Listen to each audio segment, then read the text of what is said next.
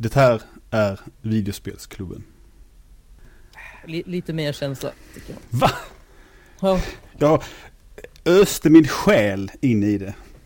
Du får nästan göra det mer ödesmättat. Som att det här sista utposten innan intet. Det här är Videospelsklubben.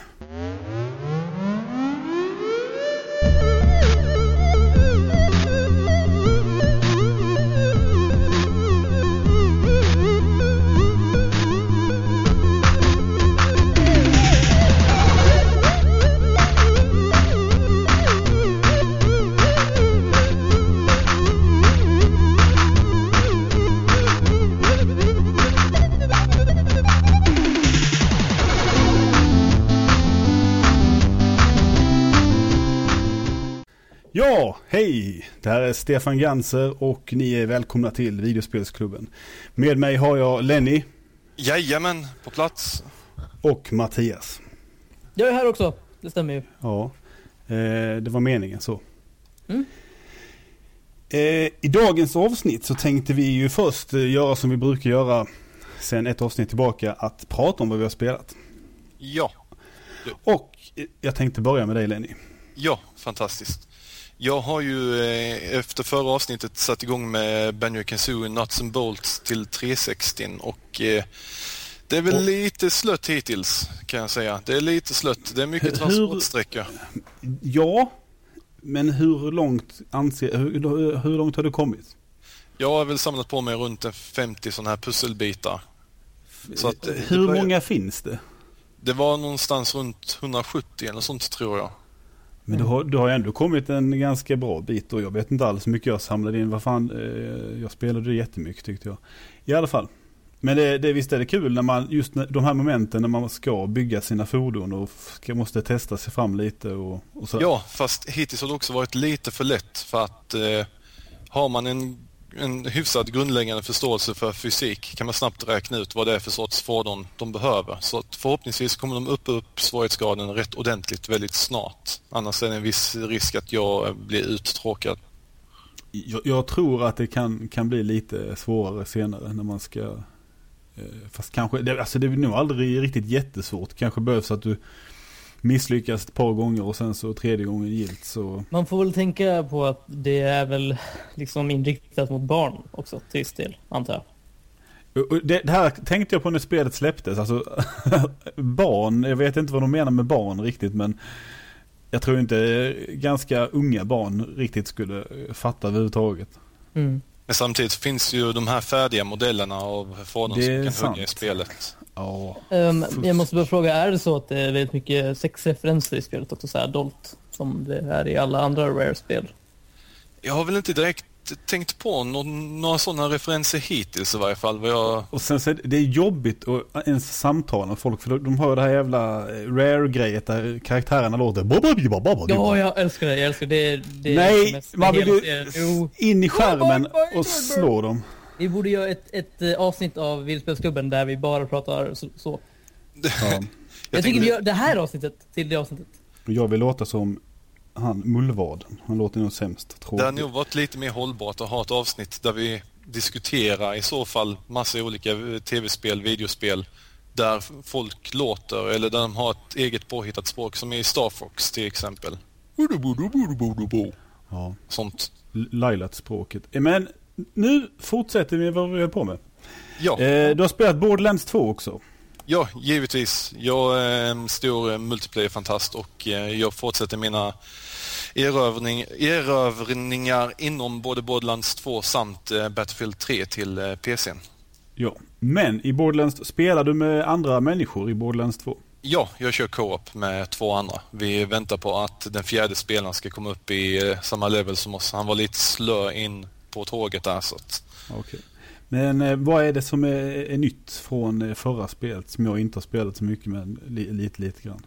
Eh, hittills är det väl inte något särskilt nytt utan det är lite snyggare, lite bättre, lite mer humor i det hela. Lite Eh. andra klasser. Ja, precis. Klassen är väl kanske den största förändringen då. Ja, så att eh, jag tyckte att ettan var ett riktigt trevligt spel och att, eh, de har ju förbättrat det lilla som fanns att förbättra så jag är hittills väldigt nöjd med tvåan. Ja, ja men eh, det är inte så mycket mer att säga om det kanske. Nej. Har, Nej. har man spelat ettan så har man kanske inte spelat tvåan men du har en god uppfattning av hur tvåan är i varje fall. Om man inte har spelat ettan, ska man gå till tvåan direkt? Ja, det kan man lika gärna göra. I och för sig, det, det finns många, mycket av storyn i eh, tvåan refererar till ettan, många av karaktärerna och sånt. Det var mycket mer än vad jag förväntat mig med karaktärsreferenser och stories. Så för att ta lite mer kött om bakfötterna så kan det vara bra att spela ettan. Man kan väl säga att eh, det är precis som alla andra spel att man har njuter mer av tvåan om man faktiskt har spelat ettan Ja, innan. Men det är Helt inget klart. krav. Liksom. nej absolut inte. Men samtidigt misstänker jag att man, man bör ju absolut inte spela tvåan först och sen gå tillbaka till ettan för då känns det mycket så här Ja, lite kom, åldrat och så. precis. Det är nog mycket som de folk kommer att störa sig på. Sådana små saker som man inte tänker på nu för att det, är så bra gjort. Nej, oftast är det ju man slipar lite på systemen och sådär. Går man, spelar man då tvåan och sen går tillbaka till ettan så är det som ett jävla piss. I alla fall. Mattias, du har spelat Sleeping Dogs. Ja, det stämmer. V- Var det upp? Vad, ja, alltså. Jag, jag är stort fan av eh, alla sådana här sandbox-spel som, som GTA och Saints Row och sådär. Och um, Sleeping Dogs är ju alltså det, ja, det senaste stora sandbox-spelet. Och eh, det, jag gillar att, att det, det, eh, det gör en del unika grejer. Till exempel på storyn till exempel. Då, um, ofta spelar man ju som en, en eh, riktig jävla megaskurk som ska ta över hela staden. och eh, döda folk och bla bla bla bla. Men här spelar man som en undercover police eh, som Okej. heter Wei Shen tror jag och som då har beslutat sig för att eh, ta ner hela Triad-organisationen i Hongkong. Um, så storymässigt är det riktigt intressant när man, man försöker liksom hålla, ja man, man försöker att hålla sin identitet hemlig eh, samtidigt som Wei Shen då slits mellan att, att eh, följa lagen och, och eh, faktiskt börja gilla de här personerna som han försöker bedra hela tiden. Um, Okej. Men samtidigt så, eftersom man har spelat GTA, så många GTA, så många Saints Row, så känner jag att jag har kommit in i den här fasen där, eller zonen där jag helt enkelt mer eller mindre har tröttnat på de här öppna spelvärldarna. För det, som Lenny sa om Nuts Bolts, det är så många transportsträckor liksom. Och jag har kommit dit där jag helt enkelt bara tar en taxi i spelet och kör till nästa uppdrag istället för att köra genom staden. Eh, Så blev det väldigt snabbt för mig i GTA 4 kommer jag ihåg.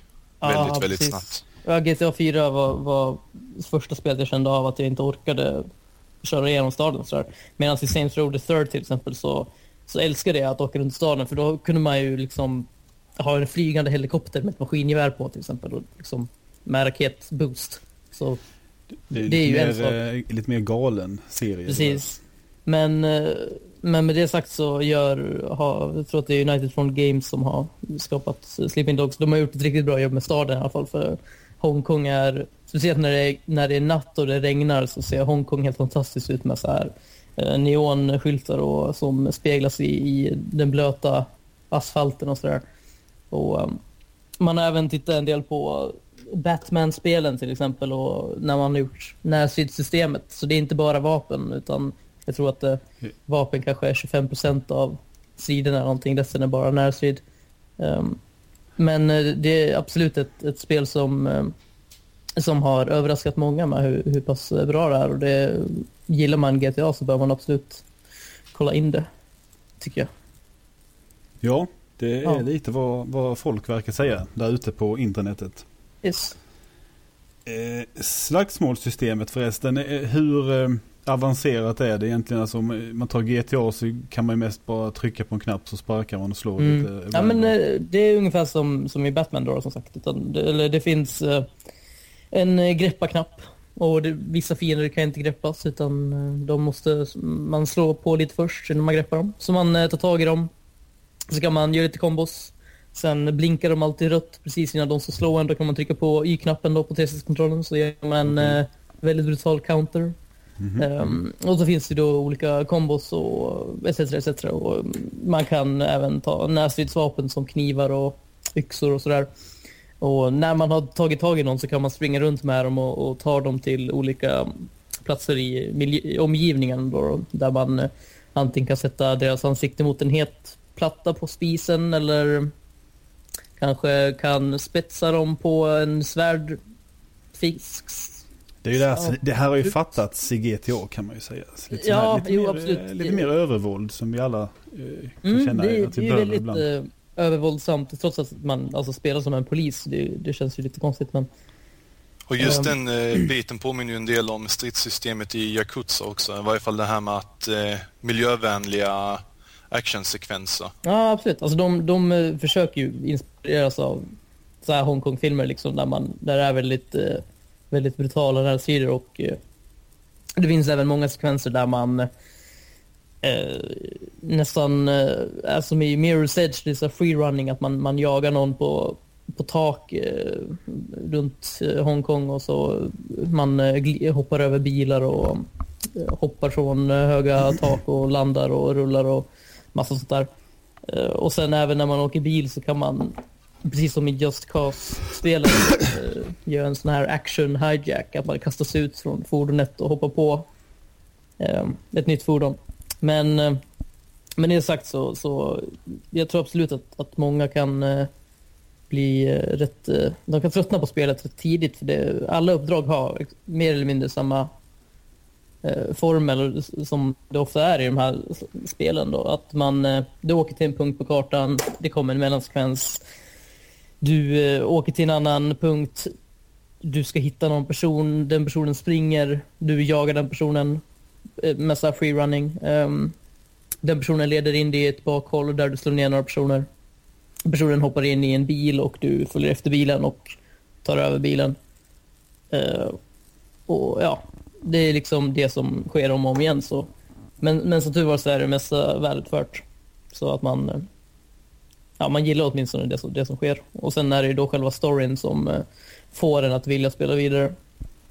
Ja, men det brukar vara det som är GTA också till exempel. Att det är storyn som i längden får en att Jo. spela vidare. Precis. Eh, och GTA har ju också, och, och Saints Row har ju den här eh, galna, i alla fall de, de eh, sen, eller tidigare GTA-spelen, att man kanske slår igång koder, tar några granatkastare och springer runt på stan. Men i Sleeping Dogs finns det ju ingenting sånt utan eftersom man spelar som polis så kan man till exempel inte gå runt med ett vapen på stan och skjuta folk. Ehm, så, Nej. Det, Nej. det låter ju rimligt. mm. Ja. Och eh, på tal om eh, GTA-liknande spel så har jag spelat eh, Retro City Rampage som släpptes i förra veckan. Mm.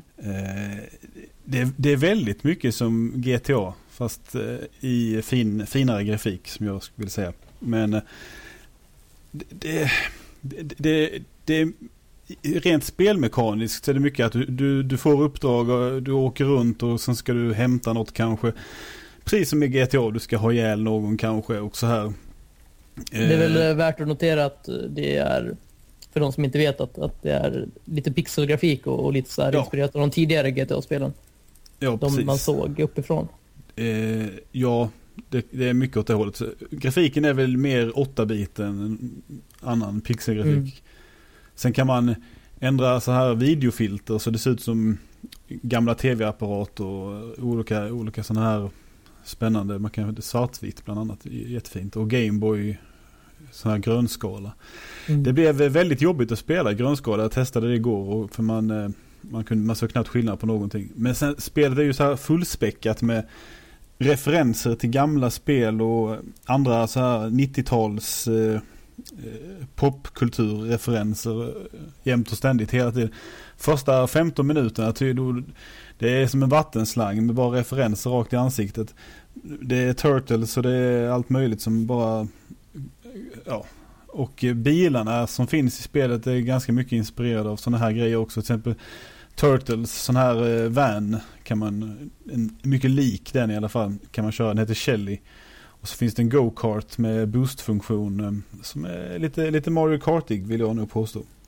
Um, fortsätter de här referenserna genom hela spelet? Eh, det ja, början? nej det, det är hela, ständigt mycket karaktärer du träffar på är då eh, inspirerad av eh, spelkaraktärer och eh, spelet går egentligen ut på att man, eh, man börjar någon gång, jag vet inte, nu vet jag inte årtal, men man åker tillbaka i tiden för att man Ja, jag kommer inte ihåg. Men i alla fall Doc så måste... Brown är med. Eh, ja, han heter dock eh, Crocker eller något sånt här. Men i alla fall så det är en eh, lite tillbaka till framtiden eh, parodi där. Och man ska helt enkelt hitta delar till, till den här bilen så man kan åka, till, åka fram i tiden igen. Där man kommer ifrån. Och jag tror man har åkt tillbaka till 1985 eller något sånt här. Och det är väl därför det finns mycket av de här referenserna i den här världen. Eh, staden är ganska stor faktiskt. Eh, kan jag tycka. Jag har även För- hört att eh, det är inte bara top-down view utan det ska även eh, involvera en del andra, inte kanske spelläge men lite minispel och dylikt. Ja, det finns en hel del kul. Alltså många av de här minispelen är liksom en som en sekvens tagen ur ett gammalt NES-spel. Till exempel en sekvens så spelar du eh, Paperboy. Du ska bara cykla och kasta tidningar i brevlådor längs en gata. Så kommer alla de här klassiska Paperboy-fienderna och soptunnor och skateboardåkande människor och grejer. Det eh, tycker jag det var kul. Måste tillägga att Paperboy ligger väldigt, väldigt högt upp på min hatlista. Ja, det, det, det, var, det är så mycket som man får spela av Paperboy i eh, Retro City Rampage. Det är precis så mycket Paperboy man någonsin behöver spela. Eh, Det lå- låter bra nu. Det finns även lite Metal Gear Solid-referenser där i ett tidigt uppdrag va? när man eh, smyger runt i, i lastbilar och mm, lite sånt. som sedan leder till en kontrareferens. Också. Och se, som leder till en Bionic Commando-referens som är kombinerad med en Robocop-referens. Eh, ja, och så fortsätter Det låter ju faktiskt helt fantastiskt. Men Ja. jag misstänker att man, att man måste verkligen ha, ha upplevt de här spelen från första Ja. början för att kunna njuta av det. Jag tror att du måste ha väldigt god koll på NES-spel framförallt. Och sen mycket film från 80-90-talet. Eh, faktiskt. Mm. Det låter som ett spel helt i min smak. Och jag gillar att man har, den här, att man har en cover-mekanik trots den eh, sp- sparkostade grafiken. Att man kan liksom gömma sig bakom grejer och poppa upp. Och jag spelade med en 360-kontroll till PCn och då eh, kan man skjuta som en eh, dual analog shooter. Alltså att Mm. man skjuter med högerspaken och bara trycker åt några håll. Och då kan man ju backa och gå åt andra hållet samtidigt som man skjuter och sånt. Vilket man inte kan om man spelar med tangentbord. Så det rekommenderar jag att man spelade med en handkontroll. Det låter trevligt. Eh, sen skulle jag spela ett Black Mesa också. Men eh, det ville inte starta. Så det... Du, du har totaldött eller? Vad Nej jag vet inte, jag har inte orkat riktigt researcha det heller. För jag, det var sådär jag skulle spela någon timme innan jag ska gå och lägga mig kanske. Sen så, men det startar inte. Alla andra spel i Steam startar utom. Så jag kan få installera om det eller någonting. Ska inte glömma sparfilen, det brukar vara en grej jag missar att lägga undan. Ja, då tänkte jag väl att vi kunde gå vidare till eh, nyheterna. Eh, jag har eh, fyra nyheter vi kan diskutera lite. Den första är den, eh, vad jag vill kalla Modern Warfare 2-skandalen. Jag vet inte om ni känner till det här men eh, Ah, Eh, jo. Ja, på banan, eh, multiplayerbanan Favela har man upptäckt eh, två tavlor inne på en toalett. Där det står någonting som hyllar Allah. Men eh, att det är väl just att de hänger på en toalett som har blivit eh, det, det som har gjort folk upprörda, gissar jag. Och eh, man har helt enkelt tagit ner banan för eh, modifiering. Och jag, jag tycker ni det är rimligt att man ska behöva modifiera en bana så här för att Ehm, alltså, Det känns lite som ett farligt område allmänt. Ja. alltså jag, jag, jag ehm, pers personligen har inte orkat sätta mig in så här jättemycket i det. För det angår ju inte mig. Jag är inte muslim och jag, jag har absolut noll att, att säga inom det här. Men, men som jag ser det så, jag hörde från en person att det var enligt Koranen olagligt att, att ta med sig Gud in på toaletten. Ja, men, Eh. men då kan jag förstå att eh, då, då Ja, det... och, och, och då, då tänker jag så här liksom, att, att jag, jag tvivlar på att det var en muslim på Infinity Ward som gjorde det här. Jag tvivlar på att det var han som satte upp tavlan, eller den personen som satte upp tavlan. Så det måste ju ha varit någon som på något sätt var medveten om att det var någonting som skulle göra folk upprörda och då tänker jag varf, varför är det nödvändigt att göra det liksom? Så Nej. på det sättet så känner jag att det är ju klart att de ska ta ner det där och göra om banan. För jag menar, den, det finns ingen anledning till att den ska vara där liksom. Samtidigt så Nej. känner jag att, man, att, att folk överreagerar på det, för det är ett, det är ett spel. Det är inte en riktig toalett. Nej. Liksom. Nej. Men, Nej, eh, Det är men, ungefär men som Mattias sa att eh, ja, det är onödigt att provocera. Samtidigt så är det ett spel. Det är, det, det är svår diskussion helt enkelt. Det går Ja, lätt över och- på yttrandefrihet och allt möjligt. Det Man känns kanske inte måste som... tiptoa lite för att, Ja, att folk och, eh, och jag tror ju inte den här människan som designade banan och la in det här på toaletten någonsin kommer erkänna att det gjordes endast för att jävlas. Men, Precis. men eh, och alla kände, ja, alltså precis som jag inte kände till de här att man inte får ha någonting med Alain med sig på toaletten så, så kanske inte jag vet inte hur mycket de researchar och kanske någon snubblade över där som tyckte nog det var en kul grej men eh, det är ju väldigt dumt att göra i så fall. Mm. Men vi fortsätter. Eh, det sägs att eh, Battlefield Bad Company kan bli tv-serie på Fox. Och det är, det är John Eisendrath som skriver Ja, han manus. ja. ja precis. Som eh, sköter manus och produktion. Det är människan bakom Alias. Vilket kanske inte var en världsbra serie heller för den delen. Så nej den, den träffar aldrig högt i min lista. nej, det här ska då bli någon form av eh, actionkomedi. Men sen har jag inte spelat single play-läget i varken Bad Company 1 eller 2 så jag vet inte heller riktigt vad det går ut på. Jag har bara kickat igång multiplayer det första jag gör i de spelen. Det var ju det, det, bra i det de är spelen. ju väldigt eh, komiskt kan man väl säga, spelet. Alltså det, det handlar ju om eh, fyra lite halvt Eh. oseriösa människor som beslutar sig för att hitta guld eller någonting. Ja. Tror jag att det är. Det, deras, det heter ju Bad Company, det är det de är i av en anledning. För de är lite så här, Mm. man vill inte ha med dem att göra så man har satt alla som, i ett gäng liksom. Vilket är en jättebra idé för övrigt. Eh, Ja. Nej, Nej. men eh, ett mycket bra eh, spel. En underhållande idé. Kanske inte bra, men Ja, underhållande. precis. Nej, men vi lägger alla de här konstiga personerna i samma och sen låter vi dem, så skickar vi ut dem på en massa uppdrag. För det lär ju gå bra. Jag tror det kan bli en eh, flera avsnitt lång eh, succé för Fox. Det där, säkert tre, Ja. fyra avsnitt. Tre, fyra avsnitt. Nej, men alltså. Jag menar, det har väl funnits liknande serier tidigare, till exempel Alltså- Generation Kill och sådär. Jag, jag, det närmaste jag tänker det är liksom A-team, men man kan ju liksom inte göra... göra men, Ja, men, du, du har men, ju Hogans hjälte också, den gamla eh, filmen med Clint Eastwood och Donald Sutherland bland annat. Och det, det är liksom åt det hållet man egentligen måste gå filmen, med, eh, med, filmen med det. Jarhead också. Men, jag tror att, alltså, om de inte... Jag tror att, att själva konceptet med den här serien, alltså ä, även om det inte hade med Battlefield att göra, skulle det fortfarande kunna ha, ha stor potential att, att faktiskt bli någonting lyckat i USA. Ja. Så det är bara att hoppas att Det att det blir intressant. Och vem vet, Ja. det kanske liksom får... Det har talats om en Red Dead Redemption tv-serie till exempel. Så jag menar om, om folk inser att det kanske är bättre idé att satsa på tv-serier baserade på film eller baserade på, på spel istället för filmer så, så kanske det blir eh, någonting som vi ser allt mer.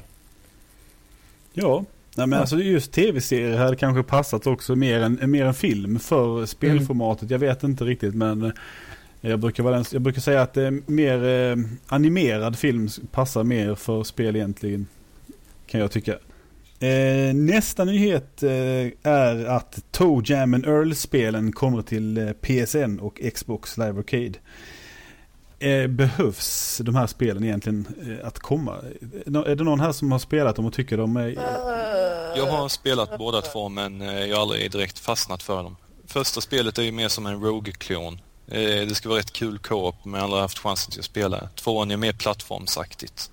Okej, jag bara testat Jag, jag måste bara spelet. fråga här, jag, jag är inte insatt i, i vilka spelare som släpps. Är det de här Genesis-spelen som släpps? Ja, Det- Toe Jam and Earl och Toe var- Jam and Earl in Panic on Funkatron. Visst fanns det även en trea till Xbox? Jajamän. Mm. Men det är inte den, det är bara originalspel. Var, var det ett eh, tredimensionellt spel? Ja, Jag kommer inte ihåg hur det var upplagt faktiskt. jag tror det var Nej. 3D, men jag spelar aldrig. Men jag, jag vill i alla fall minnas att, att designen på de här två utomjordingarna är katastrofalt dålig. De är väldigt 90-tal. Ja, skulle jag vilja exakt. säga. Det var ju allting på, på gangster Mega rap. Drive. Plattformshjältar ungefär. Som Ja, lite såhär hipp eh, med byxan bak och fram och kepsen och Den, Hela den där den enda plattformshjälten som har sämre design är möjligtvis Blinks. Den här katten med eh, skyddsglasögon och en dammsugare. Ja, släpptes inte rätt tidigt till Xboxen också? Ja, precis. Ja, Ja, Xboxen ja, hade, men- hade väldigt, många, väldigt många konstiga plattformsspel som skulle konkurrera med Playstation, varumärket Ratchet and Clank- Clank och sådär. Uh, jag Det har inte så bra. förträngt, förträngt mycket av de där spelen. Men jag fortsätter med Toe Jam. Vi, jag tror vi är klara med dem. Ja, Ja, det finns nog inte vi- att säga egentligen. vi konstaterade att T- de inte Titta på, titta på en video på, på Toe Jam Earl sen så är ni nog rätt mätta. Ja. Dagens sista nyhet rör GTA 5 som tydligen ska visas snart för Game Informers Andy McNamara, heter han det? Ja. Ja. Eh, Han hade tweetat om att han hade varit och tittat på, på spelet inför deras decembernummer. Så i, i december någon gång så får vi nog se första grejerna från GTA. Ja, vi har sett screenshots men det är inte så mycket att hänga i julgranen kanske. Vem vet, kanske även någon av oss tre här har varit och tittat på GTA 5. Mhm, Ja. mhm. Vem vet? Ja, nej men vem, ja. Ja. Och det ryktas här också, det ryktas om att eh, i mars skulle det släppas. Det tror inte jag på. Nej, eh, Det säger jag rent spontant. Att, jag menar visst, det, um, Rockstar gillar att släppa sina spel i maj under våren men, maj, april. Men- jag har researchat ja, lite men faktiskt. med tanke på att de, de lär ju verkligen pusha GTA 5 hypmässigt om, om de hade tänkt släppa det om, om bara, ja vad blir det, sex månader. Tror ni verkligen att det kommer komma till eh, eh, denna generationens konsoler? Absolut. Ja, det ser, bilderna som har visats är kanske inte så mycket bättre än fyran igen. Alltså, Nej.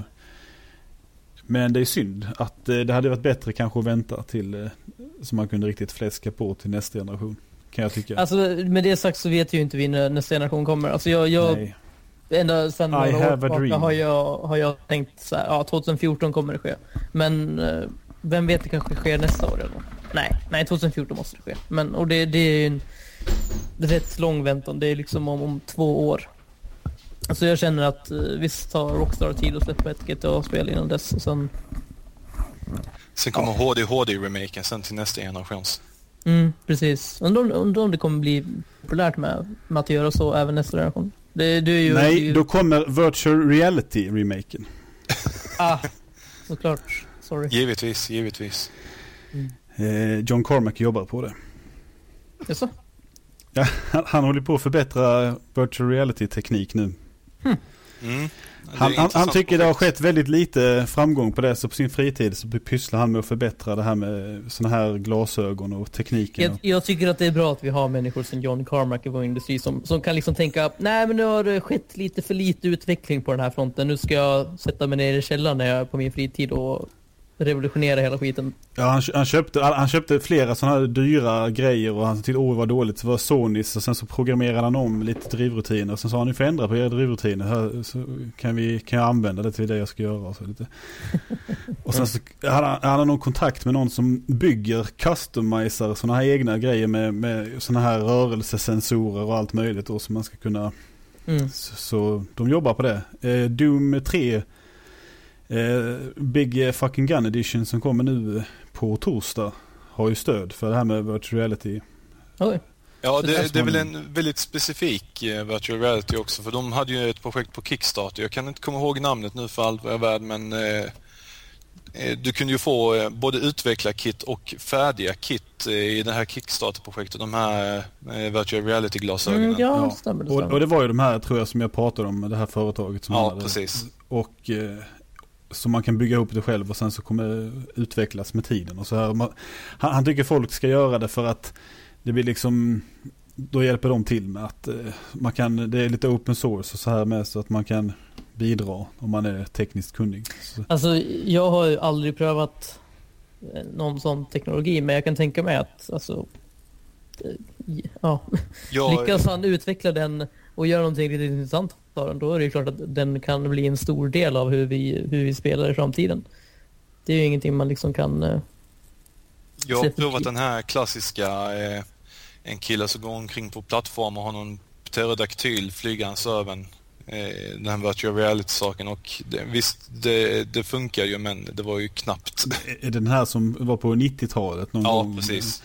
Någon stor jättehjälm och grejer. Ja, och sen har jag ju en virtual boy också så att Ja, det är mycket bonuspoäng där. den Ja. har jag testat. Ja, och sen behöver vi inte tala mer om det. du blod? Jag ville slå mig själv för att jag hade te- testat den. Mm. Lite så, alltså spelen liksom. Det var...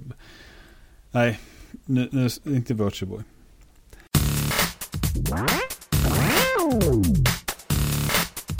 Nej, det Ja. räcker med den. Då var vi klara med nyheterna och eh, jag tänkte introducera vårt nya lilla segment som jag har valt att kalla 10 år sedan. Eh, eh, det var Förklara vad, vad det går ut på. Förklara vad det går ut på. till nästa avsnitt kanske vi har ett bättre namn på den här. Lyssnarna får gärna komma med förslag. Eh, segmentet går ut på att vi pratar lite om spel som släpptes eh, under samma datum som den veckan det här avsnittet släpps. Den här veckan är alltså 15 till 21 oktober. Så vi pratar om spel som släpptes mellan den 15 och 21 oktober år två- 2002. Det hade jag aldrig gissat.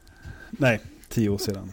Alltså jag, jag satt och funderade på ett namn till det här men sen så orkade jag inte riktigt. Men, eh, men ja, två- alltså nu har inte jag kollat in. Jag misstänker att du har kollat Nej. på det. Ja, Men rent spontant, 2002 var ett väldigt bra spelår.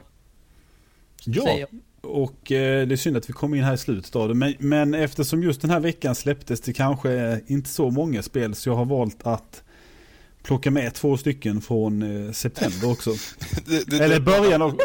det är bra att man bryter mot reglerna första man gör i ett segment här. Ja. Det, det, det, det gillar vi. Det, Ja. det är okej i min bok. Men, men det, det, det är faktiskt för att jag ville att du skulle prata om Battlefield 1942. Ja, Oj! Det släpptes den eh, 20 september i Europa. ja, 1942 var ett fantastiskt spel. Det har vi eh, nötat på många, många LAN i min ungdom. Allting från att bara jävlas med stora slagskeppet till att eh, se om man kan lyfta slagskeppet med en ubåt till att eh, försöka hoppa från berg till slagskepp till att bomba sönder bilar som hoppar till slagskepp. Det en fantastisk kedja av mycket explosioner och multiplayer. Det, Det, det jag tänkte fråga, var det här det första i spelet som egentligen blev så, så, eh, framgångsrikt som inte var liksom som, som eh, Unreal Tournament och de här mer, eh, vad ska man säga, arkadiga spelen. Att det var ett av de första mer realistiska som, ja, det, Det det, var väl eh, liksom de öppna, dans, ja, öppna banorna som var. Det var väl ett av de första spelen som gjorde det. ja och fordon framförallt. Eh, Ja, kan jag fast tänka mig. vi, vi har ju eh, den här Codename Eagle som blev uppköpta av DICE. Och det Ja, här precis. gänget som gjorde Codename Eagle var ju, hjälpte ju sen till att göra 1942. Och eh, Eagle var ju rätt mycket före. De hade ju flera olika fordon, rätt stora kartor i multiplayer. Och, och så såg det för jävligt ut men kanske inte på sin tid. Nej, det, kontrollen var ju inte den bästa i fordonen kommer jag ihåg. Men jag tyckte grafiken var helt okej för sin tid. Men eh, det var ju inte riktigt lika bra nätkod och nätstöd för det. Okej. Sen var det inte så många som kände till det heller för det, det gick lite under radarn för många. Jag, jag måste säga att jag spelade ju faktiskt rätt mycket sådana här arena-baserade shooters då innan Battlefield kom. Ehm, och för mig så, visst Battlefield är ju, är ju liksom fantastiskt för det. Det, det förde med sig till genren men, men samtidigt när det kom så var det liksom, kände jag inte att det var någonting för mig för hela den här grejen med att ha en jättestor bana, du hoppar in i ett fordon, du kanske tar dig tre minuter speltid att, att komma till striden och sen dör du på en Ja. sekund. Det Och sen spanar du. Det, det liksom, det var aldrig, aldrig kul. Tycker jag. Jag, jag, Men, det, men det du sa Lenny däremot, det här att, att leka med slagsskeppet. Det lät ju liksom fantastiskt roligt och bättre än... Jag hade föreslagit det som Battleship-filmen än den där Michael Bay producerade smörjan som kom i somras. ja, Ja. Nej men eh, jag spelade också lite Battlefield 1942 men det var väldigt lite och jag spelade mot bottar tror jag. För jag hade nog inte internet tillgängligt där när jag spelade. Men det var, det var ju lite trevligt sådär när man, just för de öppna världarna. Så jag kommer inte ihåg, så jag spelade inte jättenoga. Ja, på den tiden så den enda gången jag kunde köra det, det var ju med när vi var på LAN. Som tur var så lanade vi rätt mycket på den tiden så att eh, nästan varje helg. Okej. Ja. Mm, trevligt. Eh, sen eh, nu kommer jag till ett spel som alla tre eh, tycker väldigt mycket om. Den 18 oktober släpptes Time Vänta, Splitters ledtrådar. 2. Nej, nu är det för sent. Ja, du, Time Splitters 2. Eh, Time Splitters 2 släpptes till Playstation 2 och Xbox. Det var Free Radical Design som hade Mm. utvecklat det och eh, släpptes av Eidos. Kom det inte till GameCube också senare? Jo, eh, första november. Jag, jag bara kollar. Ja. Minsann. Men det, det är ju fantastiskt. Var ett fantastiskt roligt spel. Det, det har inte åldrats så väl, Nej. tyvärr. Jag kommer ihåg att jag hade jäkligt kul i single play-delen också. Och inte bara multiplayern. Utan jag tyckte Alltså, jag, jag spelade faktiskt bara single player och det. Ja, jag också. Alltså, det var aldrig något som... Ettan spelade lite i, fast det var ju ännu sämre. Mm. Trean var väl egentligen där serien blev som bäst. När de, Ja. slutade, de slutade med det här med, med att vapnet svajade liksom. Exakt, att det exakt. blev det är fast vapen. Att ville du ha, vad heter det, så här eh, ett, ett, ett eh, manuellt precisionssikte, då var din karaktär tvungen att stå still. Och det här kom ju av att det var Free Radical Design. Det bestod av mycket folk från, eh, från Rare. Som de skulle Mm. det här skulle vara någon form av, det skulle vara som i, i Goldeneye. Eller så här, där, där vapnet också svajar. Och liksom det, att göra så när man kan, eh, när man har två analogspakar och styra med och allting. Det är ju det är Precis. ganska vansinnigt. Men eh, det var kul. Även om det är helt galet och storyn eh, sådär. Man bara, Det är helt utflippat. och, och i, i trean då, Future Perfect, så blir det väl nästan ännu värre. Mm. Men det, är det trean där, man, där, de hela tiden ser sig själv i, eller, i dåtid och, och ja, det är Ja, eh, trean har ju en, en fantastisk sekvens där eh, Cortez, huvudkaraktären, eh, kommer in i, i ett stort rum där det finns två datorer och en massa fiender och han, han ska deaktivera de här maskinerna men han har inte lösenordet. Och sen dyker en, till Cortez upp ut i maskhål och så säger han Don't sweat it, the password's banana. Och sen skriver man in i banana och, och sen hackar man den här datorn. Eh, och sen eh, så hoppar man själv in i ett maskhål, eh, kommer tillbaka till eh, den tiden man var innan och så säger man själv att, att lösenordet är banana. Och sen går man till den andra datorn och så har man inte lösenordet än och då kommer en, en tredje Cortez och säger the password's lollipop. Och, och sen kommer en till Cortez också, så det är fyra Cortez samtidigt och så måste man spela igenom den här sekvensen som alla fyra. Och det är fantastiskt roligt.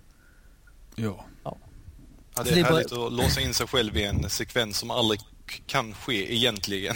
Ja, precis. Men, men hela den här serien är ju, är ju verkligen älskad för den här typen av fantastisk humor. Eh, Alla spelen handlar ju då om om man åker bakåt eller framåt i tiden för att, för att hitta olika tidskristaller som har blivit stulna. Mm. Eh, Och många banor är även inspirerade av andra spel. Så i, i Time Splitters 3 finns det till exempel en, eh, en bana som är inspirerad av Resident Evil-spelen där man går igenom en, en herrgård och det är massa zombies och sådär. Eh, Ett Ja. trevligt spel helt enkelt. Mm. Väldigt Absolut. trevligt. Vilka är det som äger eh, rättigheterna till det här till namnet? Det är eh, Crytek. Yes. Så var det. de, de köpte upp eh, Free Radical och nu på senare tid så har de sagt att de är intresserade att, att göra ett Time Splitters 4 som en gång i tiden var under utveckling innan eh, ja, Free Radical var tvungen att stänga ner för de eh, Kom det inte någon, några små bilder eller någonting från, eh, från fyran? Något sånt här? Jo. Det finns en, en bild av en apa som är då hela seriens maskot i en Master Chief-dräkt. Ja, just det. eh, Som eh, båda väldigt gott. Och även en, en, en parodi på Gears of War-logotypen med den här eh, röda dödskallen där det istället är en röd apas skalle. Ja. Mm. Så det hade kunnat bli väldigt, väldigt grymt om de faktiskt hade fått chansen att färdigutveckla det spelet. Men vi får hoppas att folket som kanske också höll på med det får göra det nu på Mm. Crytek. Eh, det sista spelet är Mario Party 4. Är det någonting som någon av er har? Det släpptes 21 Eh. oktober. Åh ja. Nej. Det är. Huds, Hudson Soft utvecklar ju hela, fortfarande den här serien väl till åt Nintendo. Fast Hudson har väl kanske lagts ner så det är några andra som gör det nu. Jag, jag, brukar säga som så här att det finns tre saker i världen som eh, startar världskrig. Eh, territorium, religion och Mario Party-spelen. ja. Jag har aldrig det, spelat ett enda. Det är få spel som kan göra en så mycket ovänner som Mario Party-spel. Och särskilt fyran som har ett riktigt, riktigt elakt system för att random straffa eller att tillåta straffningar ske mot specifika mål. Och jag, jag, jag får nästan svettningar och eh, här ilningar när jag hör namnet där. Det, det har varit många, många svor, eh, svordomar och många, många skrik, många påhopp. Många hot framför allt mellan vänner i det spelet. Men vad är, för någon som inte har spelat Mario Party alls, vad, vad går Mario Party ut på? Ja, du har ett stort spelfält. Eh, tänk dig som ett brädspel där du ska gå runt eh, brädet. Ja. Och varje person slår en tärning för att flytta sig ett antal steg. Och sen eh, hamnar man i minispel mellan allihopa. Och eh, den som vinner det här minispelet eh, får en stjärna. Och det går ju ut på att i spelets slut ha så många stjärnor som möjligt. Sen vissa specialrutor kan man eh, till exempel välja att sno stjärnor från andra spelare. Och för att göra folk riktigt upprörda ska man ta stjärnan från den som har minst stjärnor. Det, det är ett klassiskt knep för att få skrik. Sen finns det rutor som slumpar ut vilken som ska förlora stjärnor och vilken person som ska få stjärnorna. Och det, det blir mycket, mycket skrik väldigt snabbt i och med den här mekaniken som eh, vissa gånger är helt slumpmässig och vissa gånger är väldigt illa riktat. Om man säger så. Men, det, eh, det låter som ett spel som jag inte skulle klara av att spela. Det, det är ju ett fantastiskt spel i sig att, eh, att spela med vännerna men eh, att ha tävlingsinriktade vänner och spela det är kanske inte världens bästa tips utan man ska ha lite mer lugna personer som kanske inte bryr sig så mycket i slutändan. Nej, jag, jag skulle vara den som, jag, jag, är inte, jag, jag klarar inte riktigt av att ta för andra och jävlas med folk sådär. Jag hade ju förlorat mot mer eh, illasinnade människor. Jag mm. hade tagit från folk. Jag tog från folk. Jag, jag tänker inte spela Mario Party med dig. Ja, nej. Eh, om, om jag minns rätt så kan de här matcherna också hålla på i väldigt länge. Man, man, kan ju ställa in lite sådana här tweakningar över hur, vad, vad för regler som ska gälla och hur länge det ska mm. pågå och sånt. Men sen kan man köra sådana här monstrumomgångar som säkerligen har tagit många timmar men det hade man inte pallat med. Mm. Ja. Och eh, det var det sista spelet som släpptes för tio år sedan den här veckan. Till och med mm. på söndag, söndagen eh, motsvarande den här veckan.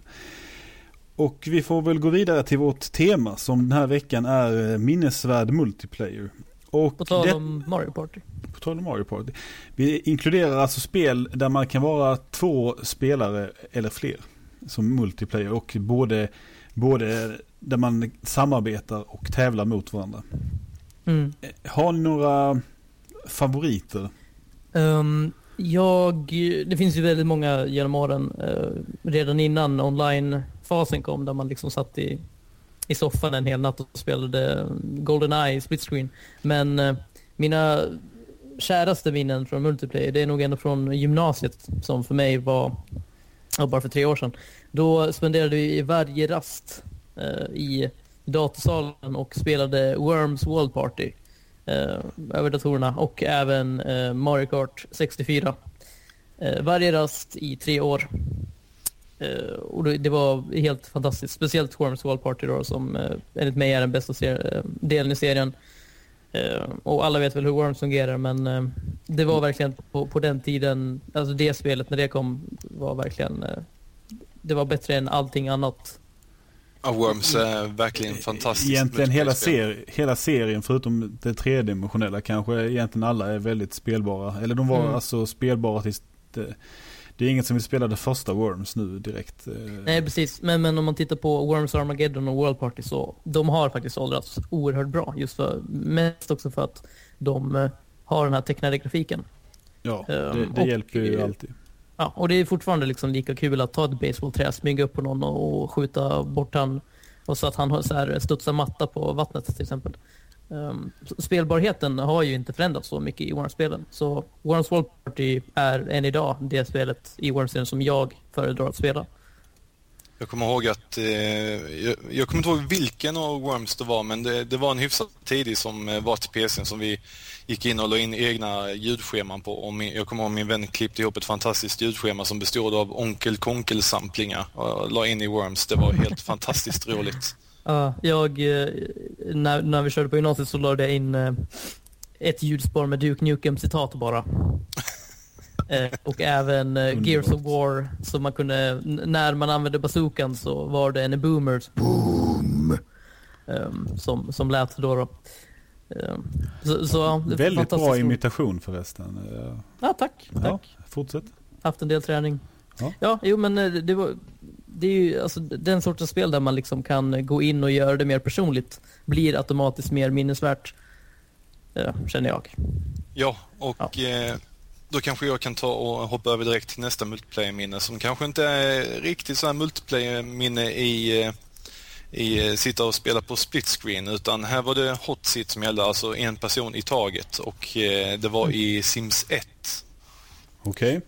Eh, kompisgänget hemma hos mig, vi, vi hade ju det här kvarteret Sims 1 och eh, vi skaffade varsitt hus, varsin karaktär och körde med. Och tur är så man kör någon timme då och sen var den personen hemma hos mig och så körde vi någon timme där. Bara att jag har ju alltid varit lite eh, elakt lagd och eh, gillar att hitta på jävelskap så att efterhand som de spelare fick bättre eh, karaktärer och lite större hus och sånt så började jag gå omkring med min manliga karaktär och sova med deras manliga karaktärer och samtidigt screenshotta det här och sedan visa upp för mina vänner i sådana här festliga omgångar. Eh, Titta här nu vad din karaktär har hittat på. Jag vill bara lägga till att jag skakar på huvudet nu. Ja, men du, du känner ju mig så länge. Jag måste hitta på sånt här hela tiden. Jag har aldrig tänkt på att spela The Sims på det sättet. Eh, själv så gick jag bara in i mina, min systers hus och dödade familjemedlemmarna. Men det här låter mycket roligare. Det, det, ni, det, ni, har liksom, ni tog ett single player-spel och gjorde multiplayer av det. Det, det är ju lite nyskapande. Ja, för att när de skapade hus i det här kvarteret så de var ju NPC som interagerade när andra spelade. De kom ju över till en och sånt. Man kunde ju ringa över dem om man blev vänner. Okay. Jag drev det ju så långt så att jag började sova med dem sagt och sen skaffade ett litet fotoalbum och visade upp för dem. Så här, titta här nu har din man sovit med mig igen. Eh, man var otrogen, var, var det här tredje gången eller något sånt. Och jag, jag drev det ju så långt så att eh, en av mina vänner, jag gifte mig med hans man. Så att då tappade jag han kontrollen över sin karaktär och han, jag kunde istället spela med honom eftersom nu var det ett, eh, ett homosexuellt par. Och sen eh, en dag när han kom dit och han inte varit där på några dagar hos mig så kom han dit och eh, frågade ah, kan inte jag köra lite Sims? Jo visst, kör med din gubbe. Så han laddade upp spelet och men var, var, var, är min gubbe någonstans? Ja, just det, jag gifte mig med honom. och den, den ilskan, så röd som han blev i ansiktet, det, var fantastiskt. Det var vackert på så många nivåer. Ja, ja jag förstår det. det, det jag blir lite rörd här. eh, eh, då kanske jag ska ta, eh, eh, jag vill minnas tillbaka eh, lite, lite längre tillbaka. Förr i tiden så var var man glad om man kunde spela två spelare i, i, ett, i ett spel. Och inte för att man kallade det multiplayer, man kallade det ju att man var två spelare bara. Men eh, eh, Double Dragon. Det var mycket sådana här eh, brawlers på den tiden. Som just var tvåspelarspel. Och Double Dragon var ju kanske inte så bra egentligen. Men man, fick, man tog ju vad man fick. Vilken enhet spelade du till? Jag spelade till eh, NES. Fast det var snarare Double Dragon 2 jag spelade när jag tänker efter och även trean senare. Ja, för var inte ettan bara en spelare till Nesen eller är det jag som har... Eh, det kan du ha helt rätt i. Det var arkadversionen hade två spelare och, och NES-versionen var kass. Ja, det var ju samma som eh, Final Fantasy till NES. De hade väl tagit bort eh, ena spelbara gubben där på grund av minnesbristen, men det var de skyllde på. Ja. Men men, fortsätt. Eh, Double Dragon 2 i alla fall. Man, det är väldigt simpelt och egentligen när jag tänker efter så, så verkligen hatar jag de här spelen för de, de var ju inte bra alls. För det första i Double Dragon 2 när man, man kunde slå och man kunde sparka. När du slog så slog du rakt fram, men när du sparkade så sparkade du bakåt. Visst det var ju bra om du blev anfallen från två håll men man ville ju kunna sparka framåt också. Jag kom, eh, jag, jag tror jag kom ganska långt i Double Dragon 2. Jag vet inte om det fanns något fusk för att få liv i det spelet eller någonting men Ja fan jag kom en ganska bra bit men Det var kanske inte så kul. De är väl rätt kända för att vara hyfsat svåra just Double Dragon-spelen också. Ja. ja det... jag, bör, jag börjar lite ångra att jag tog upp det. okay. Vilket jävla skitspel. Det är bra att du sitter och gör dig själv upprörd. nu spolade jag tillbaka här. Eh, Secret of Mana är ett jävligt bra spel. Eh, och det var ju, man kunde spela, det var ett Super Nintendo-spel. Eh, ett action-RPG kan man väl kalla det.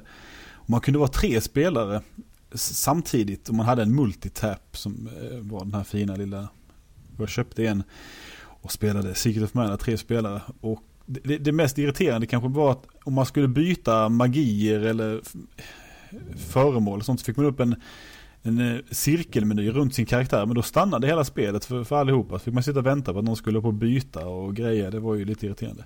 Men Secret of Mana är ju ett fantastiskt spel. Det är ju eh, snyggt som satan. Det är ett väldigt trevligt spel till Stenson. Och eh, att spela med, med, andra, det gjorde ju det spelet till vår, alltså jag vet inte om det kanske hade varit lika lika mycket av en klassiker som det hade varit utan den delen just. Det är ett av få spel som jag faktiskt bara kört själv. Annars brukar jag alltid försöka utnyttja multiplayer eller co-op-delarna i spel så gott det går. Men just Secret of Mana kommer jag ihåg att eh, det blev aldrig av för jag kände faktiskt ingen som hade multitappen. Jag hade ingen själv. Men, eh, och då när man spelade själv så styrde man, man, man, kunde, man valde man styrde väl delvis de andra AI-karaktärerna då själv och valde magi och sånt för dem, gjorde man inte det? Jag har för mig att man kunde välja vilka just magi och sånt men sen sprang de ju omkring lite som de själv ville och ja. AI på den här tiden var ju kanske inte den smartaste i världen. Nej. Och det var ju där multiplayen var roligare för man kunde liksom samarbeta lite och eh, Det finns väl, eh, finns det några re-releaser av det spelet till några andra format? Släpptes det inte till iPhone eller är det jag som har fel för mig? Nej, du kan nog ha helt rätt. Jag vet inte om det går för att spela multiplayer i den versionen alls faktiskt. Square har ju lite förkärlek för att trycka ut en sån här gamla klassiker till just eh, iPhone. Android ja. är lite sämre med, så att eh, iPhone är ju klart bra format för just Squares spel. Kanske inte för Secret of Man ändå, eftersom det ändå är ett action, alltså baserat spel. Du måste ju det, det, blir ju, i Final Fantasy är det ju inga problem att du springer runt med sån här digital eh, styrgrej men... Eh, jag kan tänka mig att det blir problem med alla random encounters. Då hade jag slängt telefonen i väggen. Det är ett spel som de skulle släppt till någon bärbar Nintendo-konsol helt enkelt. Det lär ju ha släppts på eh, Wii Virtual Console. Det, kan, det har det möjligtvis gjort. Sist jag var där inne och tittade. Ja, har ni några mer favoriter att eh, prata om? Det skulle väl kanske vara Halo 1, antar jag.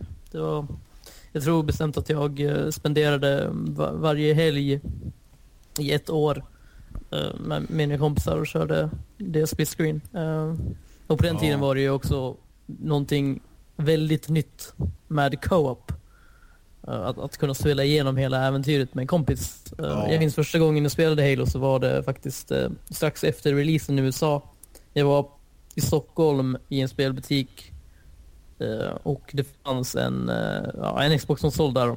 Så spelade jag och min, min syvbror det.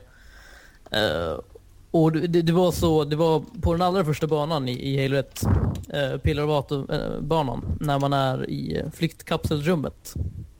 Och, ja. eh, så, så, det är ju det är en liten instängt rum så här. Och så var det han och jag då, och alla fiender, ja det var inga fiender där. Och så tänkte vi, ja men det, det är ju multiplayer såklart, så vi började döda varandra. Så hade vi kanske, um, så vi började, eh, började med att jag dödade honom, så spanade jag på honom, kanske någon meter bakom. Så oj, oj shit vad nära du spanade. Ja, så dödade vi varandra igen. Och så spelade vi så i en kvart ungefär och tänkte så här, ja men vad fan, varför vinner inte någon av oss? Sen kommer en person i kassan fram då och säger att, att vi är med varandra. Och då, då la vi märke till den här lilla orangea pilen på skärmen som pekade att vi skulle ditåt. Uh, men vi hann inte springa vidare tyvärr för vi skulle ja, iväg. Uh, men det är mitt allra första minne med, med Halo och eh, ett av mina starkaste för det var ja, fantastiskt roligt trots att vi inte följde ja, de reglerna man egentligen skulle följa då, i spelet. Ja, och Halo 1 var ju ett spel som jag och eh, mina vänner spelade mycket. Först Goldeneye i, i split screen och sen uh, Perfect Dark. Och sen blev uh, Halo 1 liksom uppföljaren på vårt he helgspelande. Och det släpptes väl uh, släpp, det släpptes ganska... ja, det kom 13 det. mars 2002 i Europa. Så det var ju ganska nära sen att det blev sommarlov där. Och det sommarlovet spelades det mycket. Vi spelade nog Halo 10 till 12 timmar om dagen i, 30, i hela, hela sommarlovet. Eh, och det var ju, med, det var ju multiplayer då. Vi spelade med, på två tv-apparater så det var två mot två. Så hade vi en varsin tv i laget. Och så man, det, det var eh, fantastiskt. Vi spelade utan sköldar med så vi hade ju, man sköt ihjäl varandra med ett skott med pistolen hela tiden. Och jag var mm. bäst med pistolen så jag hade jättekul. Det är många minnen från den pistolen alltså. Det är ett helt fantastiskt vapen. Och då kan vi gå över till Halo 2 som ändå var ett mycket bättre multiplayer-spel och även var online. Ja, alltså när du säger bättre så jag, jag, vet inte riktigt hur jag ska känna. Jag tycker att alla Halo-spelen har, har sina egna lilla det som gör dem unika. Halo 1 till exempel, det, det jag spelade mest av Halo 1 multiplayer, det var att köra Blood Gulch, fyra personer, alla hade varsin Warthog och sen försökte välta varandra i mitten. Och då var det så på den tiden att om du blev träffad av en Warthog, då dog du på en gång. Men i Halo 2 däremot, eh, då var ju fysiken helt ändrad. Då liksom kunde ju fordonen gå sönder, de kunde inte flyga lika långt. Och eh, om man blev träffad av en Warthog som körde över en, då dog man inte direkt utan då tog man så relativ skada bara. Men, eh, men Halo 2 online, det var ju så vi kom i kontakt med varandra i alla fall. Ja, och det var, det var ju roligt just kanske för att det var online och för att det blev en sån det var så mycket människor vi hade att spela med hela tiden. Så man, var, du kunde alltid nästan när som helst på, på dagen spela Halo 2 med någon. Mm. Och vi hade liksom, det var liksom gemenskapen också som gjorde mycket av att det, den perioden var skitkul just eh, att spela det. Precis. Alltså det känns ju inte så, så unikt idag just att, att det var liksom en stor online-community. Men det här var ju liksom det spelet som fick konsol online-spelande att spela roll. Ja, ja. till och med jag körde ju jättemycket Halo 2. Jag, jag nästan avskyr annars Halo-serien, men just multiplayer-komponenten i Halo 2 var ju faktiskt skitbra. Mm. För det, känd, det, var, det var, I tycker trean så la de till massa krimskrams, så jag tyckte det det gjorde ingenting för serien utan det, det, var liksom ganska bra som det var just då. Alltså jag, jag tycker att Halo 3 multiplayer, det var liksom, vi, vi spelade Halo 2 i, i två och ett halvt år konstant liksom varje dag. Online. Ja. Och sen när Halo 3 kom så, jag vet inte om vi, om vi var tröttna på det eller om det var liksom, om det var helt enkelt eh, sämre eller någonting. Men, det var inte Halo 2 helt enkelt. Nej, nej precis. Nej, för um, jag gick tillbaka, jag spelade Halo 2 där ju, eh, de, innan de stängde ner servrarna för Xbox 1-spelen. Så spelade mm. jag eh, några matcher där precis kvällen innan. Och, och jag kände liksom där att hade de gjort det här som det här är, fast med liksom lite snyggare grafik, så, så hade det varit eh, roligare. Det var mycket som, eh, det kändes helt annorlunda när, man, mm. när, de, när de förändrade. Och Halo 2, det är, det, den tiden är liksom jag kanske det roligaste att, jag har haft. Alltså här, men jag tycker att mycket av den känslan kom tillbaka i Halo Reach. Jag kommer ihåg när Halo Reach-betan kom, det var första gången jag hade fastnat så mycket för ett online-spel sedan Halo 2. Så jag tycker att de gjorde ett mycket bättre jobb med Halo, Halo Reach. Mm, ju, nej, jaha. N ja. När Reach kom så kände jag mer att ja, trean var väl rätt bra ändå. Ja. Men jag har ju men nu i fyran så liksom har de, verkar de göra allt det här som jag ville att de skulle, de moderniserade lite, man har sprint eh, konstant och mm, det är lite mer, och man kan låsa upp lite saker och customisa så där, det är ju alltid kul och customisa lite. Absolut. Ja, ja. höga förhoppningar.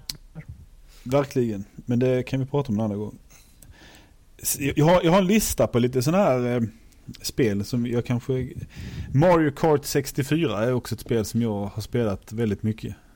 Ja, just eh, multiplayer-delen där, det, det enda Mario Kart-spelen är bra till tycker jag. Jag tycker inte alls om single player-läget utan... Nej, det, det, det är helt alltid... meningslöst. De, de, är bara bra för att man ska, eh, tvunget ska låsa upp något eller något sånt där fjant. Ja. Och, och sen ska det vara Balloon Battle. Ja, visst, är visst var det kul.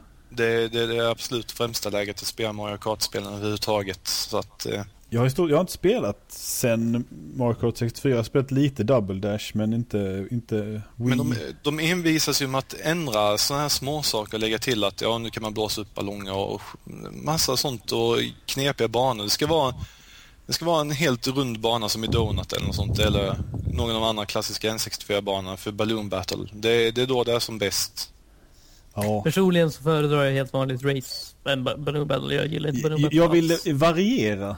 Man ska liksom, då är det kul när man kör kanske ett par race och sen så balloon battlar man lite. Det, vilken helkväll man kan ha. Nej, bara Balloon Battle. Racingspel finns det andra spel för. Nej, fy fan. Quake-spelen har jag, in, jag har ju alltid gillat dem. Men jag har inte spelat så mycket. Jag har spelat lite Quake 2 online men inte trean till Jag exempel. spelade lite Quake 3. Uh, modden Freeway tror jag den hette. Um, som, som spelades mycket på LAN. Det var inte jag som valde att vi skulle spela det. Det var några kompisar som var fruktansvärt bra på det. Som kunde döda en med ett skott på, på, med railgunnen och man hade inte en chans. Men, Alltså railgunnen var ju besvärlig när man inte kunde med den själv. mm. Jag, jag vill här uppmärksamma eh, annars modden som släpptes till Half-Life, Action Half-Life, som är en fortsättning av en eh, mod till Quake. Nu ser jag hur snyggt jag binder ihop allting här. Ja, Men eh, Action Half-Life-modden var ju så ofantligt rolig i och med att den införde vissa vissa förutsättningar, eller kanske inte förutsättningar, utan vissa handikapp som man kunde få. Till exempel om man blev skadad så började man blöda och då var man tvungen till att för, förbinda sina sår genom att skaffa bandage och trycka på B-knappen och då blev man immobiliserad några sekunder för att stanna blödningen. Och samtidigt så har de gjort det kanske inte mer realistiskt men du tog betydligt mer skada av saker som om du, om det trillade en handgranat bredvid dig så var det bara en hög med eh, slafs när den sprängdes. Så kunde du få massa andra roliga saker som att eh, få sådana här eh, slippers så att du inte gjorde något väsen av det när du sprang. Och, det, eh, lå, det låter som det var modernt för sin tid. Alltså Det var, rent... det var- Det var mycket sådana här små saker, mycket många power-ups som de körde med i spel som var oerhört ro, roligt att pyssla med. Mm. Och det, det, det körde vi väldigt ofta i LANen också. Det finns någon favoritbana. Tyvärr så blev den modden sämre sen efter en viss gräns och varje release som släpptes eh, försämrade och eh, de tog bort några av de bra banorna och la till massa skitsaker mer eller mindre. Så att eh, det, Um. det hade en glansperiod och blev snabbt kast igen. Jag, jag uppskattar den sortens multiplayer-spel där man, eh, det är väldigt så här gimmick-aktigt. Som, det där låter ju lite så här att man, det är så mycket man måste tänka på så där, eh, som, som skiljer från allt annat. Ehm, och en annan så här multiplayer-upplevelse som är väldigt eh, unik och, och liksom det finns ingenting som kan konkurrera med den. Det är The Ship, om någon av er är bekanta med det. Ja, jag har kört Um, lite. Där man, eh, man spelar som en, en helt vanlig eh, ja, passagerare på ett skepp helt enkelt. Och, eh, på, på det här skeppet så finns det ju då en massa va- vanliga NPCs som ser, eh, så har vissa utseenden som ser exakt likadana ut som, som spelarna själva gör. Um, och sen får du en, en bild på den personen du ska mörda. Och även med vilket vapen tror jag bestämt står också. Så det första du måste göra är att först gå runt på det här skeppet. Du måste gå lite så här insuspekt så att, så att folk inte misstänker att du är en spelare till exempel. Det är mycket som, som i Assassin's Creed som mer eller mindre kopierade det konceptet och han blev väldigt populärt där. Men, men The Ship var liksom eh, man satt i ett LAN och man eh, man kanske hade personen bredvid sig som, som mål men man sa inte det till den personen. Man sa bara hej kan, kan du eh, hjälpa mig? Man låtsas som att man inte försökte mörda den personen. Så när man fick den ensam så dödade man den personen samtidigt som man eh, försökte hålla sig undan sin egen mördare. Eh, och så, sånt är ju fantastiskt roligt eh, när man eh, då sticker en rygg i, i eh, eller sticker en dolk i en, en kompis rygg liksom och skrattar högljutt. Ja, jag, jag, jag älskar verkligen konceptet med spelet men jag hittade aldrig någon, något bra gäng att spela det med. Och Mm. det, var, eh, ja, det var lite jobbigt med vissa communities att sätta sig in i. Så att jag fick Ja. aldrig chansen att verkligen uppleva. Jag körde några gånger men Ja, men det är jag, såna som, som verkligen kräver att man, man har ett gäng som eh, verkligen går in för spelar. Ja, jag tycker det, det är lite, lite kul faktiskt. Mm. Eh, Mattias, du har också Ja. spelat en del World of Warcraft. Har du också gjort det länge? Har du spelat något av detta? Eh, nej, nej, jag låter bli MMORPG. Jag har bara testat. Jag, jag körde lite men eh, jag tror Mattias är mest kvalificerad för att prata. Ja, fast, jag det, hoppas- fast du är mer en sån här, jag vill ut på en resa. Ja, Eh. exakt. Jag hoppas inte att det är någon så här riktigt stor eh, WoW-fantast som sitter där och bara åh nu ska jag snacka WoW äntligen och sen säger två personer att de inte ens Ja, en säger att han inte har spelat det, en säger att han har prövat på det lite och nu kommer jag och säger att jag är där för resans skull så att säga. Eh, det, det började alltså så att när spelet släpptes så, så skaffade jag och mina kompisar World of Warcraft. Mina kompisar är riktiga sådana här RPG slash rollspel slash eh, RTS-nördar. Och de spelade WoW i, i flera år. De slutade bara nyligen. Medan jag tog en vecka på mig att komma till level 9 första gången. För jag var helt ny till MMO, jag hade, eller rollspel liksom överhuvudtaget. Jag hade noll koll på vad allting gjorde. Eh, Men sen så kom jag tillbaka till det kanske någon, tre månader senare. Och då gick det mycket snabbare. Då kom jag till level 14 på bara tre dagar eller någonting. Och så mycket... eh, eh så, så allting är mycket snabbare då och sen har jag kommit tillbaka till det varje gång det kommer en ny expansion och sådär och kom in i det och sen senast så kom jag, när Cataclysm kom så, så kom jag upp till level 85 och började raida lite och sådär. Men, eh, och det, det är liksom helt unikt egentligen med att ha den här enorma världen och liksom du kan bara springa runt på, din, på di, dina egna äventyr, vilket jag föredrar att göra i, i World of Warcraft. Att springa runt i en stor skog och eh, lyssna på den fantastiska musiken och, och liksom... Men, men, eh, det, men det är ju väldigt fint, alltså jag gillar ju design, alltså hela utseendet på, på spelet. Jo, det, precis. precis, det är det jag menar. Alltså, att springa runt i en skog, um, snacka med några karaktärer och sådär. Sen kanske man ser någon, någon spelare, så här, helt vanlig spelare som, eh, ja, vem vet, kanske är där för att döda mig eller vad som helst. Och då, det blir ju någonting man inte kan uppleva i ett single player-spel. Nej. Eh, Men, men det var så jag behandlade World of Warcraft i alla fall. Jag behandlade det som, som mitt spel. Jag behandlade det inte som ett, ett MMO där jag eh, gick runt med 20 andra personer och, eller sådär. Men det var ju Nej. absolut en minnesvärd multiplayer-upplevelse ändå att liksom känna sig så liten i en spelvärld. Ja, nej, men jag, jag spelade en sån här 10 dagars testversion och det var nog dag 6 när jag vaknade och började spela direkt när jag vaknade och sen så helt plötsligt var klockan 6 på kvällen och jag hade inte ätit någonting och då bestämde jag mig för att jag aldrig mer skulle spela World of Warcraft. Det var, det var, det, man bara satt ah, det, och sen tittade man ut så var det mörkt helt plötsligt. Så vad fasen, jag vaknade ju precis. Det har jag som tur var aldrig varit med om att jag Nej, tappat. så jag valde att absolut inte kasta mig in i det. Mm. Eh, Jaha. Har vi några fler multiplayer-upplevelser Ja. vi vill delge? Jag vill del... Left for Dead 2 började jag spela i det- i år för ja, ett halvår sedan kanske. Lite till och från. Jag tycker det är helt fantastisk eh, kooperativ upplevelse. Att liksom de här zombiehorderna som bara kommer som en jävla våg mot en. Är, står man där och bara skjuter. Det är, och sen måste man ändå samarbeta lite för att de här specialzombiesarna som finns som grabbar tag i en så måste någon hjälpa en och få bukt med dem och de hoppar på en och sånt där. Och sen så slutar ju varje kapitel med någon sån här superslutstrid där man bara ska stå och hålla ut en stund i stort sett. Och det är ju eh,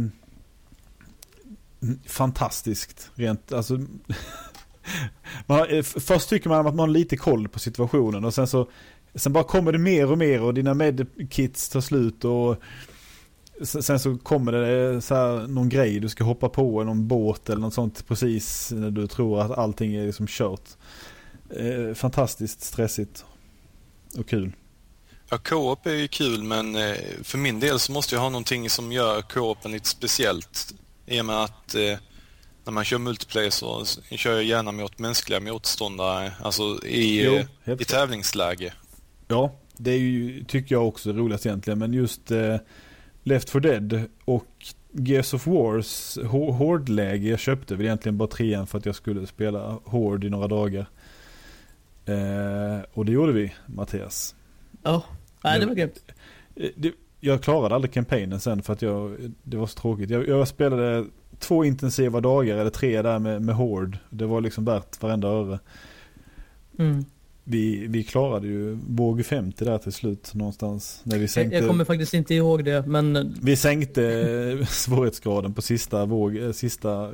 ja, jag, jag vill minnas att vi spelade på banan Trenches någon gång, den här ökenbanan och eh, du var sist kvar och fick Ja. möta en Brumac level 50. Ja. Och du typ lurade in honom i en grotta eller någonting. Och sprang så här fram och tillbaka mot eh, de här ändarna i, i grottan för Ja, det, det, det, var nog, det var inte jag som Var gjorde det. Var nog, nej, men vi satt ju där och Mm. hejade på. Ja, nej, det var fantastiskt. Den föll till slut. Och eh, i och med att vi avslutade Gears of War, Brewmacken där, så tycker jag att eh, vi har pratat en hel del om eh, vad vi skulle prata om. Mm. Men fan, det blev ju inga bröst. Nej, Och inget det var Alive. eh, dumt av dig. Men du har, ingen av oss har spelat Dead or Alive. Jag, jag kan, kan väl liksom bara för att, för att vi inte ska liksom lura våra lyssnare liksom i avsnitt två så kan jag väl säga att, att jag fortfarande spelar Dead or Alive 4 än idag. Jag har gjort det konstant sedan det släpptes eh, med mina kompisar och det är mycket röst i de spelen. Så Ja. jag har snackat lite om det också. Jag, jag har själv kört i varje fall tvåan, trean, fyran men eh, jag har alltid varit mer en teckensnubbe än Dead or Alive. Men Ja, helt tvärtom för mig. Tecken är, det tecken är som att spela ett fightingspel med Resident Evil 1-kontroll ungefär. Det, man känner sig som en pansarvagn, fast inte, inte kraft, alltså hur kraftfull man är, utan hur seg man är. Ja. det, det var en intressant jämförelse men eh, det är ju ingenting jag håller med om alls. Nej, jag gillar, jag gillar också tecken eh, framför. Jag, jag, vill egentligen tycka om Street Fighter men jag har väldigt svårt för det. Det, det händer för mycket samtidigt där. Och, Nej, när, när de släppte Street Fighter 3 så kändes det som att de hade nått eh, sin maximala potential. Jag eh, har ändå köpt till exempel Street Fighter vs Tekken men det, jag klarar inte av att sätta mig in i lika mycket. Nu nyligen köpte jag ju Tekken, vad, vad är det, Tekken eh, Tag Team Tournament. 2. Jag besitter också detta spel. Jag har inte spelat alls mycket. Jag vill... eh, Single player är ju jättetråkigt också. Man vill ju ha folk att spela med annars är det ju helt... Ja. Just, just i Tekken så kan jag sitta i flera timmar och finslipa så här taktik och kolla eh, juggle-nivåerna och dylikt men eh, det är alltid roligare med en levande motståndare. Tyvärr. Så, fort, så fort jag köper ett fightingspel så inser jag att jag aldrig kommer orka bli tillräckligt bra för att spela överhuvudtaget. Tyvärr är den interna fighting-scenen hos mig inte alls vad den har varit i och med att eh, många har splittrats eh, runt om i landet här. Eh, ja. Nej, men eh, vi vill gärna ha eh, kommentarer vad ni tycker om vår eh, lilla podcast. Det kan man göra på videospelsklubben.se på inlägget för avsnittet och även på iTunes. Även om iTunes verkar väldigt efterblivet i att lägga upp avsnitt. Prenumererar man på iTunes på videospelsklubben så får man, kan man se avsnitten nästan direkt när, när de läggs upp. Men Annars verkar det ta en vecka minst innan ett avsnitt syns i den vanliga listningen. Jättekonstigt. Och eh, jag finns på Twitter på Gassimaluk och Mattias finns där på Flodvakt. Och vi har även eh, VS-klubben, är videospelsklubbens egna Twitter. Där man kan eh, få information om nya saker som händer. På videospelsklubben.se bloggar vi också och lägger upp videos av olika slag. Och ja, vi har också en eh, andra podcast som eh, på grund av Lenny heter Videospelsklubben Guiden. Ja, det var mitt eminenta förslag. Eh, nå- någon form av eh, japanskt eh, off topic, nej sidospårsnamn. Som jag Ja, förstår det. precis. Förhoppningsvis är det många som står referenser med att använda guiden när det gäller avsnitt som inte tillhör vanliga videospelsklubbens-serien om man säger så. Japp, alla två av er. Alla två. Ja, eller Eh, jag. Och just nu finns det eh, Halo special del 1 och del 2 kommer vi spela in någon gång. Det är ganska dåligt ljud på första delen och det beror på att vi spelade för, första in det en vecka innan vi spelade in första avsnittet av, eh, av den här vanliga podcasten. Och eh, hade inte riktigt koll på hur eh, ljudet behövde vara. Men eh, vi rättar till det tills nästa avsnitt av guiden. Och därmed är det slut för den här gången.